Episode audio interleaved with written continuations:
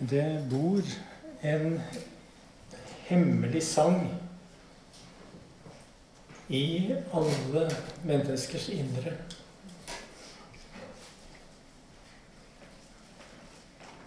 Jeg tror at denne sangen, den fins i alle de vi møter i vår hverdag. Alle mennesker vi kjenner. Alle vi ser inn i øya. Dypt i hvert eneste menneske i hele verden så fins det en hemmelig sang i menneskets indre. Og denne sangen, den er et dunkelt ekko fra skapelsens morgen. For de fleste så er denne sangen en glemt salme om evigheten som vi ofte ikke blir stille nok til å fange inn og til å høre. Den sangen er den sangen som forener himmel og jord. Og det er en duett med skapelsen og med skaperen. Og denne hemmelige sangen, den ligger som et slags skjult vannmerke i sjelens dyp.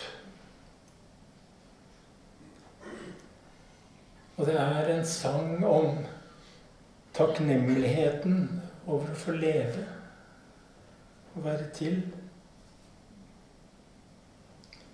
Ylva Eggehorn sier det på denne måten. Hun kaller det en, en annen stemme som får oss til å forstå at vi ikke er alene i Guds skapelse.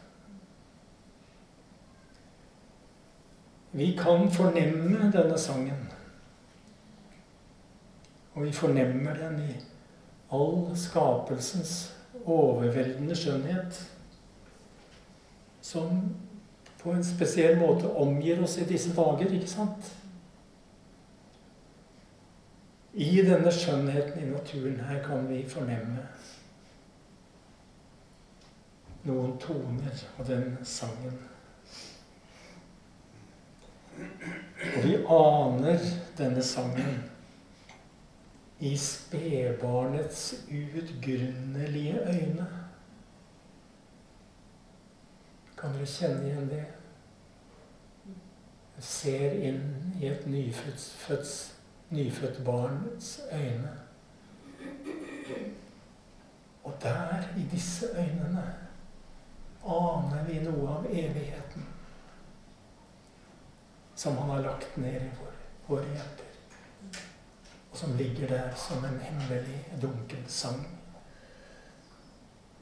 Måtte Gud gi at spedbarnet måtte gjenkjenne denne sangen, finne fram til den i sitt liv. Og få synge den av hele sitt hjerte. I takknemlighet til liv, takknemlighet til Gud. Vi kan finne den her sangen i kjærligheten mellom mennesker. Der fins den. Og i øyeblikk av utvida bevissthet kan det finnes glimt av denne sangen. Og vi tar faktisk ikke et steg i denne verden, i dette livet, uten at denne sangen følger oss. Men for mange, kanskje de fleste, er denne sangen som oftest utenfor hørevidde. Allikevel så er det en sang som hviler i sjelen og som venter på sin forløsning. Apostelen Paulus uttrykker det på denne måten. Han sier helt til denne dag sukker og stønner alt det skapte samstemt som i fødselsveer. Det er en refleksjon av denne sangen som ligger der og venter på forløsning. Og i møte med Jesus så får denne sangen et navn. Og i møte med Jesus så vekkes denne dype tonen i vårt indre fra sin tornerosesøvn.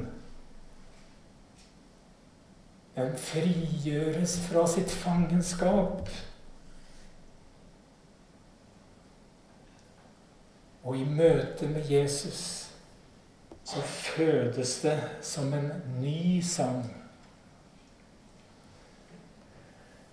Og veldig mange av oss Jeg tar kanskje ikke mye feil når jeg sier at alle har vi et forhold til denne setningen fra Salme 40, hvor det står Han la i min munn en ny sang, en lovsang til vår Gud. Det er mange som har et forhold til det her verset. Det er vanskelig å sette ord på opplevelsen. Men poesien kan ofte utfylle det som tanken ikke kan. Og i møte med Jesus så fordyper denne sangen seg, og den utvider seg. Den hemmelige skjulte og glemte sangen får i møte med Jesus en, en retning. Og sangen får nye vers og ny besifring. Vi forlot denne sangen da vi gikk ut av Edens hage. Men poenget er at sangen forlot ikke oss. Og Gud, hvis jeg kan uttrykke meg sånn Gud holdt ikke ut å bli alene. Derfor sendte han sin sønn for å hente oss tilbake. Han kom selv på et bestemt sted og i en bestemt tid. Og han kom for å forløse lovsangen. Musikeren Peter Sandvall, som sikkert mange kjenner navnet på, kaller sangen for en urkraft. Og han skriver i en artikkel om The Civil Rights Movement, altså eh, sivilrettighetsbevegelsen på 60-tallet med Martin, Martin Luther King. Han skriver om denne her bevegelsen. De er bare en liten flokk. De er ikke sterke. Og de er ikke særlig velorganiserte. De har ingen våpen, men de har en sang. Og sangen ga tone til deres identitet, til deres historie, hvor de kom ifra. Og sangen var en urkraft som var nedarvet, nedlagt i deres hjerter skriver Peter Sandvold 16.6 i år. Ja, det er den samme sangen. Som er nedlagt i alle menneskers hjerter. Og hvis jeg kunne, hvis jeg bare kunne, så ville jeg gjerne synge denne sangen. Det er en kjærlighetsvise. Det er balladen om Jesus Kristus. Og jeg vil så gjerne synge den. Jeg vil så gjerne sette ord på sangen om Jesus. Og hvis jeg kunne, så ville jeg skrive nye vers. Og egentlig så er det derfor vi er kirke i dag. Vi forsøker å gjengi en melodi vi har hørt dypest i vårt indre. En tone som lever i oss. Og vet dere hva? Den sangen som lever i oss i dag, det er den samme sangen som englene sang i Betlehem. Og det er den samme sangen som Paulus og Silas sang i fengselet, så dørene ble åpna. Og det er den samme sangen vi snakker om, som fikk Jerikos murer til å falle. Og det er den samme tonen, det er den samme aksenten som Hannas lovsang i 1. Samuel 2. Og for ikke å snakke om det er den samme tonen, den samme sangen, den samme aksenten i Marias magnifikat i Lukas 1, fra 46 til 55. Denne sangen har blitt sunget gjennom århundrer og årtusener, der menneskene har kommet i kontakt med Gud Og vi har hørt den. Vi har hørt denne sangen. Det er derfor vi er her. Og denne sangen har berørt oss på dypet. Etterklangen vibrerer stille der inne som understrømmene i havdypet. Den finnes der. Den finnes der. Enten du merker det eller ikke. For den går dypere enn det du merker. Dypere enn hva du kan tenke og forstå. Den fins der. Sangen fra evigheten som ble ny når Jesus rørte ved ditt hjerte. Den lever. Den kan aldri dø.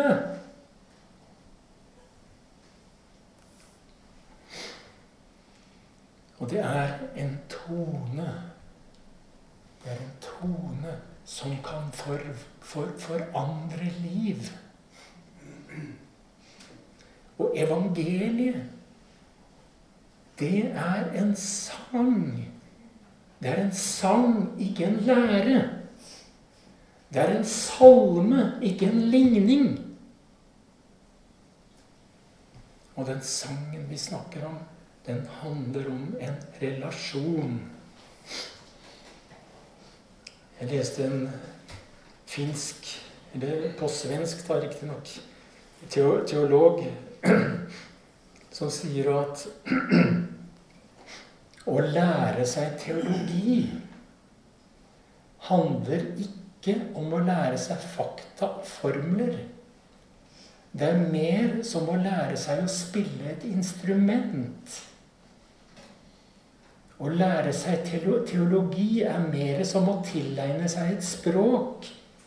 Å øve seg i en kunst. Å tenke og tale om Gud.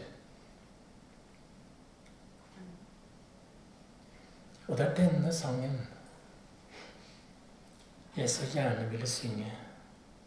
Og det er denne tonen jeg søker. Men jeg er verken sanger eller musiker.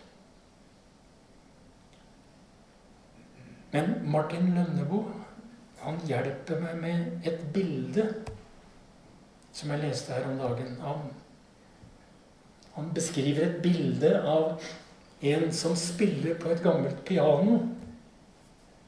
Og jeg identifiserer meg nesten med den gubben som spiller på et gammelt piano. Og han sier tangentene er gulnet, og fingrene søker famlende etter en melodi. Den melodien er ho hovedtemaet i en kosmisk kjærlighetsvise. Fingrene tar ofte feil, men de forsøker på nytt og på nytt. Det er vårt ansvar. Vi tar ofte feil, vi. Men vårt ansvar er å forsøke på nytt og på nytt.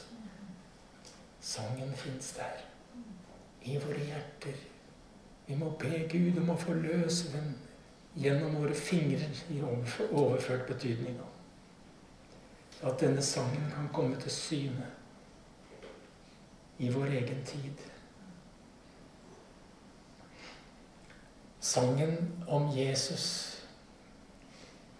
den fins, som jeg ser som et poetisk bilde som jeg tror dere kjenner godt. Det er det bildet av dobbeltbekken i Esekiel 47.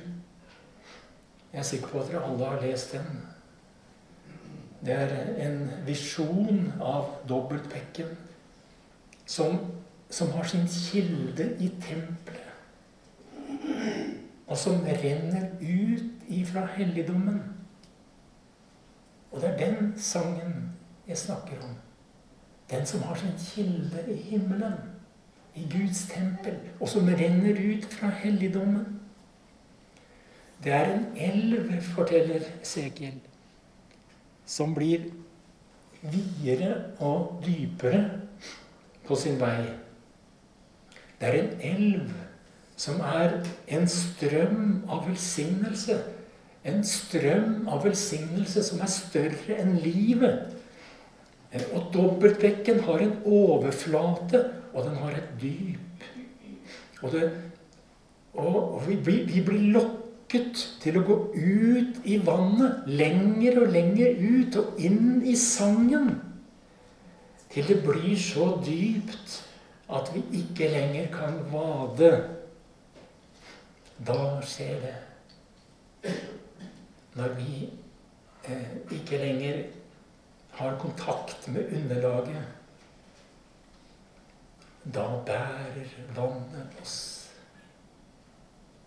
Og det er nåden.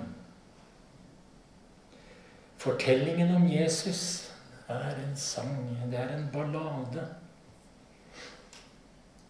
Jeg hørte denne sangen første gang for 50 år siden. Og flere av dere som sitter her, var jo med de første dagene i 1970. På våren 1970. Da vi satte våre føtter og styrte skoa inn i Philadelphia i Thoresens gate. Og om vi hørte sangen om Jesus Menigheten vi kom inn i, sang så vakkert og gripende om Jesus. Og jeg vil si det var denne sangen vi hørte. Det var det som berørte våre hjerter. Og denne sangen, skjønner du, den bar gjennom og over maktkampene og stridighetene og kjødeligheten i menigheten. Vi hørte sangen. For sangen overdøver alt det menneskelige og ufullkomne og begrensa.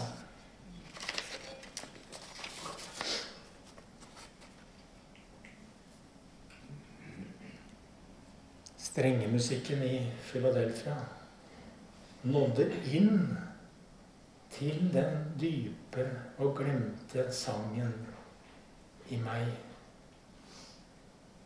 Og ga den et navn. Navnet er Jesus. Og siden har vi sunget denne sangen.